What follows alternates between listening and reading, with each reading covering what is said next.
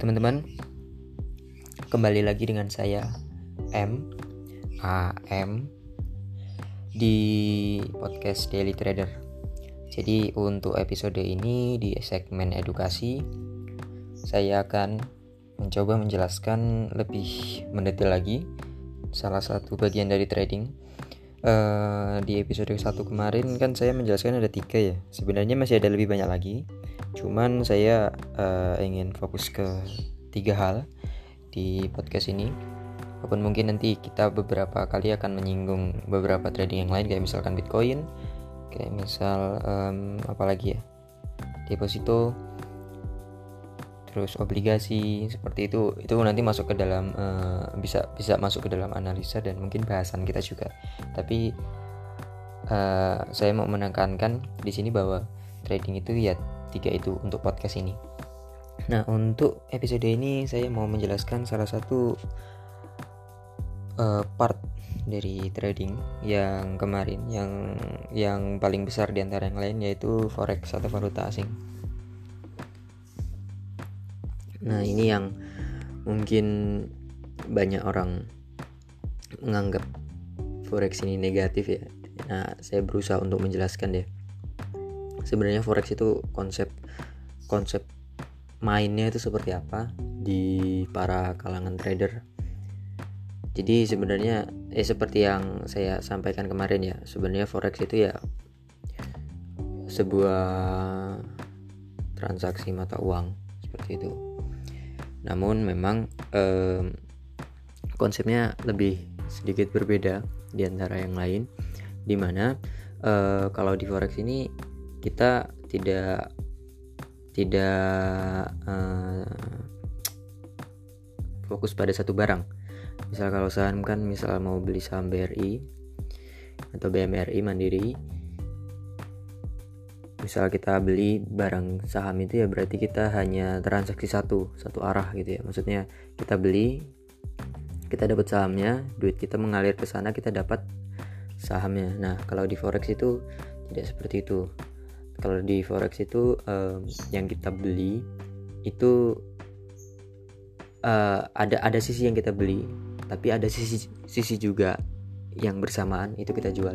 Misalkan ini yang paling besar salah satu pair atau kalau di di forex itu ada namanya pasangan mata uang yang biasa di trading kan.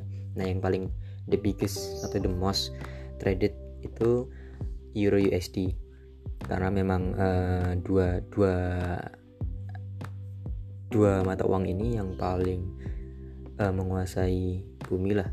Dan ketika dipairkan semakin besar. Bisa di atas 20% dari total transaksi forex sih. Se, sedat, se sebaca saya ke, ketika melihat data gitu lah di, di website itu kurang lebih di atas 20% dari total transaksi mata uang. Nah euro USD berarti ketika kita buy kita membeli euro. Tapi pada waktu yang sama kita menjual USD kenapa bisa seperti itu? Jadi misal seperti ini um, uh, aku punya saya punya saya punya rupiah nih di sini. Kita mau beli euro berarti kan euro IDR kalau kita pair kan. Pada waktu bersamaan ketika kita membeli ketika kita membeli ketika kita membeli euro pada waktu bersamaan juga kita sebenarnya sedang menjual rupiah kan? Kita dapat tapi kita menjual. Ya seperti barter itulah. Ketika kita kita kita beli kita kita dapat sesuatu. Nah itu kalau di forex seperti itu. Hal itulah yang bisa membuat forex itu tidak seperti uh, investment yang lainnya. Atau produk produk investasi yang lainnya. Kenapa? Karena kita bisa menjual pada waktu yang sama. Misalkan saya menjual menjual euro kalau kalau di saham kan hanya bisa kita buy baru bisa sell. Misalkan saya belum belum punya saham nih kita hanya bisa buy di awal baru sell. Tapi kalau di, di mata uang itu bisa kita nge-sell lebih dulu. Misalkan memprediksi euro USD bakal turun kita nge-sell di baru pertama masuk itu nge-sell itu bisa. Itu karena ada sistem hedging. Seperti itu. Ya karena tadi karena sistemnya pair ketika kita buy euro USD berarti kita menjual menjual USD kita membuy, membuy euro. Ketika kita nge-sell kita nge-sell euro berarti kita nge-buy USD nah seperti itu. Kalau di di forex maka dari itu kita bisa harga mau turun atau harga naik kita bisa cuan. Asal prediksinya benar. Nah nanti bagaimana cara memprediksi atau cara menganalisa? Di episode berikutnya mungkin nanti akan ada cara menganalisa. Analisa ini kurang lebih bisa uh, bisa kurang lebih di beberapa sektor investment gitu sama ya mau di saham mau di ini ada sama ada dua itu fundamental, teknikal dan mungkin tambahan sentimen, sentimen harga. Nah, eh, lalu contohnya apa ya? Kita coba cari co buat contoh deh ya. Um, contohnya seperti ini. Kalau di oh, cara kita dapat cuan ya. Contohnya ya simple sih. Seperti kita membeli euro eh kita membeli dolar di harga 14.000 lalu kita jual di harga 15.000 berarti kita untung 1000 gitu ya. Tapi dari 14.000 ke 1000 itu kan cukup lama. Nah maka dari itu di dalam di dalam trading forex media-media apa namanya media-media untuk kita bertransaksi atau broker itu biasanya menyediakan fasilitas namanya leverage. Nah, leverage ini uh, salah uh, adalah sebuah konsep uh, apa ya? Konsep penyediaan margin. Artinya seperti membuat dana kita yang ada di situ balance-nya di di di, di, di saldonya itu ketika kita bertransaksi itu seolah-olah bisa berkali-kali lipat dari modal yang sebenarnya. Nah itu nanti di di anu lah di di episode berikutnya kita akan mengulas leverage lebih dalam. Intinya leverage itulah yang uh, yang menarik bagi pasar forex karena kita bisa lebih lebih untung namun juga bisa lebih rugi. Itu bagaimana kita pintar-pintar ber ini ya sebenarnya. Pintar-pintar kita memanage resiko dan menganalisa. Seperti itu. Bahkan di dalam forex itu banyak trading trading kontes yang mana ketika kita ketika kita dikasih dana sekian gitu dikasih waktu sebulan banyak kok yang juara-juara satunya bisa sampai 6 juta persen. Cukup gila kan? Coba investasi di mana yang bisa sampai seperti itu? Saham bahkan untuk bisa sampai 100% itu butuh bertahun-tahun kan? Nah kalau di forex bisa. 100% hanya sebulan bahkan sehari juga bisa karena kita punya sistem leverage tadi. Um, lalu forex itu paling besar itu pasarnya ada di mana sih sebenarnya atau misalkan pusatnya ada di mana? Sebenarnya bukan pusat ya. Semua kita bertransaksi, cuman memang terbagi atas empat empat zona, empat zona empat zona pasar lima sih lima lima zona market yaitu ada zona market Sydney jadi ketika nanti jam 5 atau jam 4 pagi itu ketika Sydney buka New Zealand juga buka. New Zealand juga salah satu yang mata uangnya cukup sering ditransaksikan juga di market forex. Itu um, market dari dari paling timur isinya Sydney itu mulai. Lalu nanti disambut oleh jam tu, di jam 7 itu oleh Jepang. Salah satu apa pusat ekonomi juga. Transaksinya juga cukup besar untuk mata uangnya setelah euro dan dolar baru nanti pindah. Disambut di jam 1 atau jam 1 jam 2 siang itu di Frankfurt. Frankfurt itu uh, Jerman di mana itu pusatnya euro. Nanti jeda sejam. Jeda sejam itu disambut oleh Great Britain atau Inggris. Di situ nanti pound sterling mulai masuk juga. Lalu nanti disambut oleh um, New York jamnya New York New York sekitar sekitar jam 8 jam 7 malam. Nah ketika ada yang tutup jadi kan tadi Sydney itu kan mulai jam 4 pagi nanti tutup mungkin jam 2 siang gitu. Kan dilanjutkan oleh Eh, market-market Eropa tadi ya Eropa lalu ada yang Jepang tadi kan mungkin tutupnya jam 4 sore itu langsung disambut oleh New York New York tutup jam 4 pagi. Nah itu saling berkesinambungan atau saling berlanjut. Itulah yang menyebabkan forex itu nggak tutup sama sekali dalam 24 jam. Forex bisa ditransaksikan selama 24 jam. Dan ya itu karena memang e, banyak pasar mata uang yang e, e, ada beberapa pasar mata uang pasar mata uang tadi yang selalu bertransaksi. Sehingga ketika kita ketika kita bertransaksi itu selalu bisa di di jam selama 24 jam selama hari Senin sampai hari Jumat. Beda dengan saham, kalau saham kan hanya buka jam 4 pagi, lalu tutup jam eh buka jam 4 pagi. Buka jam taruhlah jam 7 pagi ya. Nanti tutup jam 5 sore seperti itu. Bahkan ada breaknya jam 12 siang.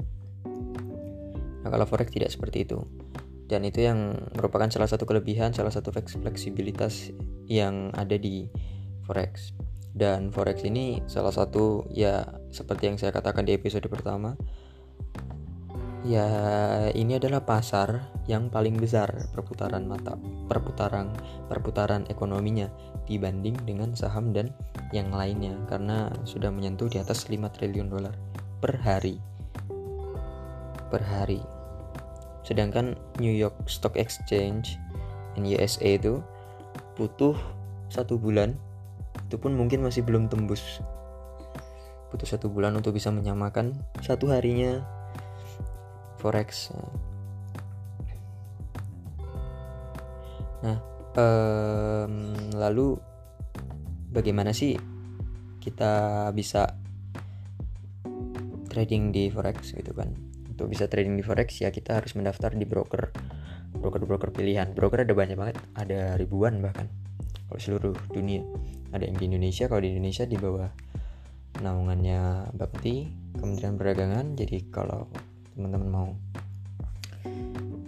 trading pakai broker lokal ya banyak bisa nanti dicari di um, di mana di di googling aja.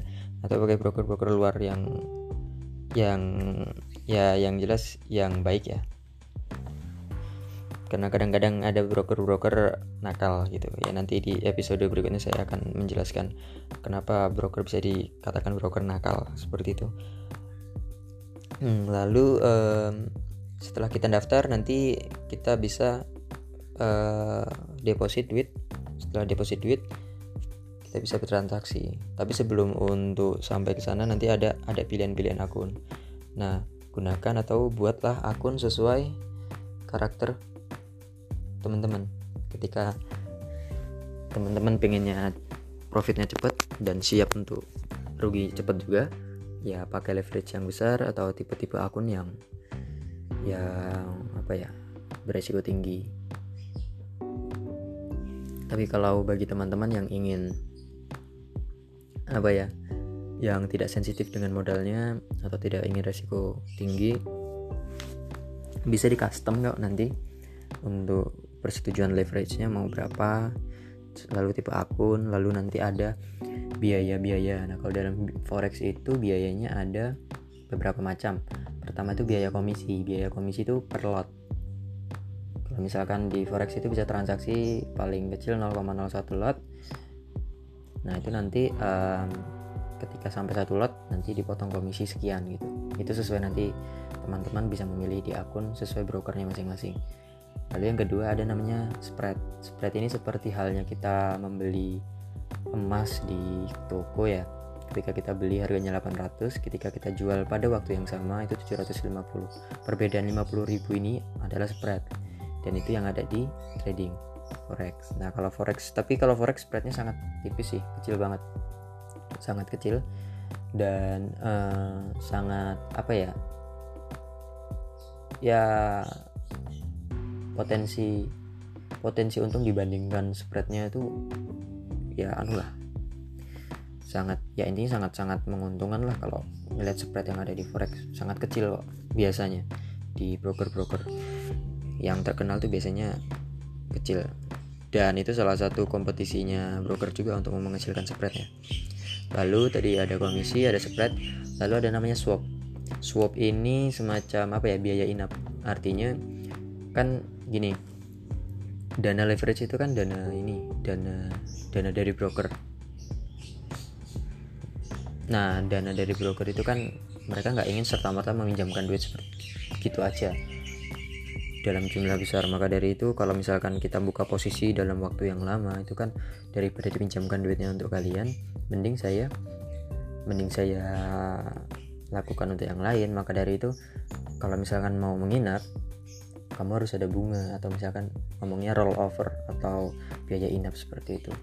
Itu semacam uh, potongan. Sebenarnya itu konsepnya adalah konsep bunga awalnya. Dan itu yang membuat uh, beberapa trader-trader yang muslim tidak ingin adanya swap.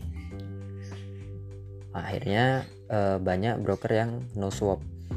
Atau menyebutnya adalah akun syariah. Itu karena no swap. Artinya ketika kita buka posisi pertama atau sekarang lalu kita tutup nanti di akhir tahun nggak nggak ada biaya selain biaya spread itu sendiri sama komisi kalau misalkan ada komisi. Ada yang hanya biaya spread jadi ya kita hanya kepotong biaya perbedaan jual beli di awal aja. Setelah itu ya sudah. Harganya akan uh, apa uh, potensi untungnya ya nggak tidak terkurang apa pun gitu lalu uh, mari kita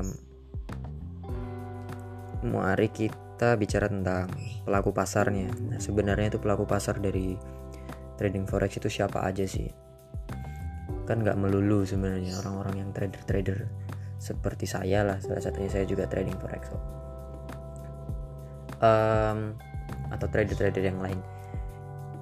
Sebenarnya siapa sih yang benar-benar melakukan transaksi dalam jumlah besar jadi kalau bagi kalian kalian yang mungkin terlalu uh, sensitif dengan apa sih forex ah saya tidak akan melakukan forex karena itu bagian sesuatu apa ya uh, satu hal yang mungkin dari segi agama itu semacam dosa seperti itu atau mungkin ya uh, sensitif lah tentang forex. Padahal sebenarnya pelaku pasar forex itu hampir seluruh hampir seluruh orang yang ada di dunia ini. Kenapa saya katakan seperti itu? Karena uh, pelaku terbesar forex itu yang pertama adalah pemerintah ya kenapa pemerintah kenapa kau bisa pemerintah ini bisa dijadikan salah satu uh, pemegang pasar forex sebenarnya karena seperti ini contohnya ini sebagai ini sekaligus kita menjelaskan kenapa dolar juga bisa menjadi yang paling kuat di dunia ya. Misalkan seperti ini ada kita sama India mau bertransaksi. India mau beli barang dari kita. Terus kita kasih tahu ini harganya satu juta rupiah. Nah India nggak mau. Udah deh mendingan disamakan berapa dolar gitu biar saya biar kami beli dalam bentuk dolar. Nah jadilah dolar digunakan. Padahal antara India dan Indonesia kan tidak ada hubungan nih tidak ada hubungan tidak ada hubungan dengan dolar kan tadi maksudnya transaksi itu. Nah tapi India memintanya ah udahlah mendingan kita samakan aja dalam bentuk dolar karena mungkin kurs kita tidak tidak anu apa namanya tidak tidak sesuai mungkin bagi bagi bagi Indianya. Maka dari itu India inginnya udah dijadikan dolar aja. Dan itu dan itu dilakukan banyak negara antar negara. Dan itu membuat dolar cukup uh, kuat dan banyak digunakan atau dijadikan acuan. Seperti itu oleh oleh negara. Dan ya kembali lagi tadi pelaku pasarnya adalah pemerintah. Ketika kita ekspor impor itu itu kan menggunakan acuan dolar. Nah itu itu transaksi terbesarnya di situ. Transaksinya kan triliunan. Kalau trader-trader kecil gitu kan biasanya transaksinya hanya ya ya berapa lot lah 10 juta gitu kan jarang yang di atas 1 m gitu. Kalau yang di atas 1 m udah pro biasanya. Emang sudah paham tentang trading forex. Ini salah satu ya itu sepertinya itulah uh, apa pemerintah melakukan transaksi forex. Tidak menggunakan broker tapi emang melakukan transaksi untuk antar negara. Dan itu dapat menggoyang harga. Lalu eh, salah satu pemain forex yang terbesar juga eh, bagian dari pemerintah itu sebenarnya bank-bank sentral. Kalau di Amerika kan ada The Fed. Nah The Fed inilah salah satu yang paling besar. Kalau di Inggris ada Bank of England BOE kalau di Europe ya ini salah satu yang menjadi acuan kita selain The Fed itu ECB Europe, European Central Bank. Ini kebijakan dari ECB ini membuat euro goyang biasanya.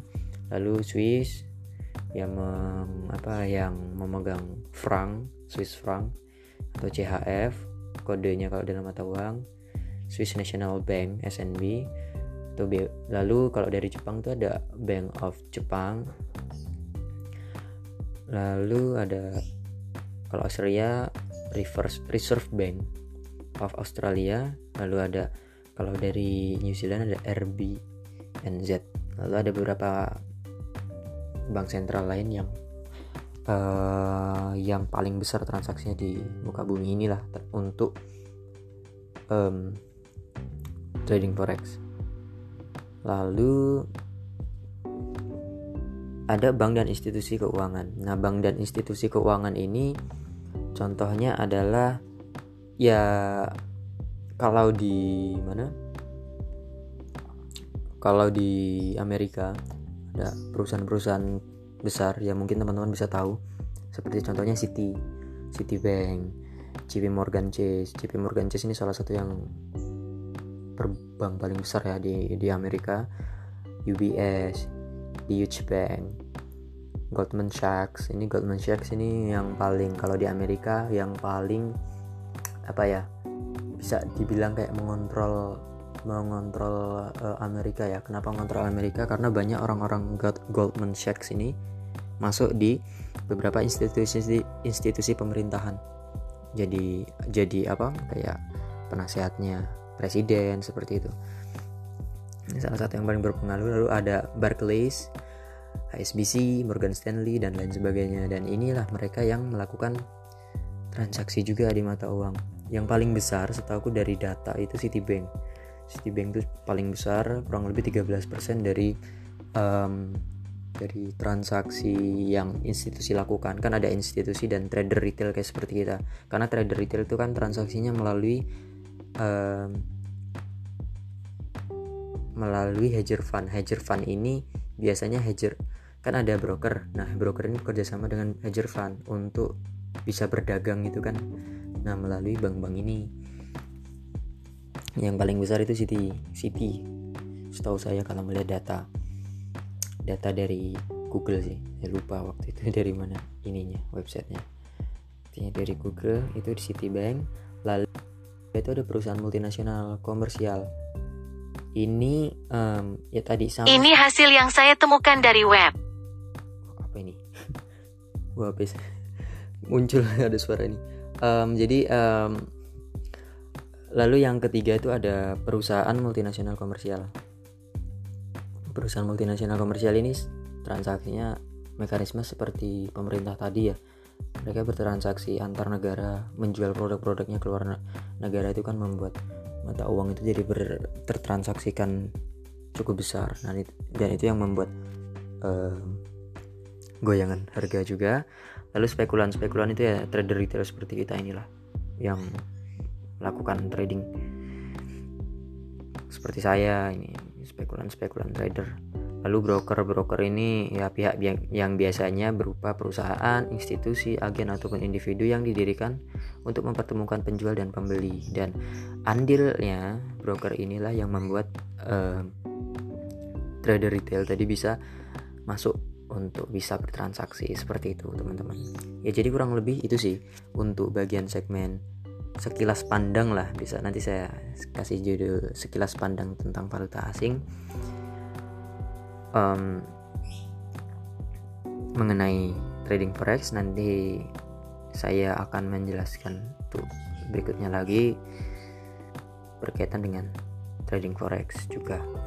Tapi juga nanti akan saya menjelaskan tentang trading berjangka juga. Trading berjangka itu ada contohnya emas ada silver ada oil itu yang biasa ditransaksikan sih ada beberapa hal yang lain namun yang paling besar ya tadi itu produk-produk metal dan energi. Ya seperti itu untuk penjelasan trading forex. Ya harapannya jadi teman-teman yang mendengarkan bisa jadi lebih paham ya walaupun ada beberapa kata-kata tadi yang saya katakan uh, mungkin udah terlalu awam dan ternyata saling terhubung seperti itu. Ya, semoga uh, podcast ini bisa bermanfaat buat siapa pun yang mendengarkan cukup segitu dari saya. Um, semangat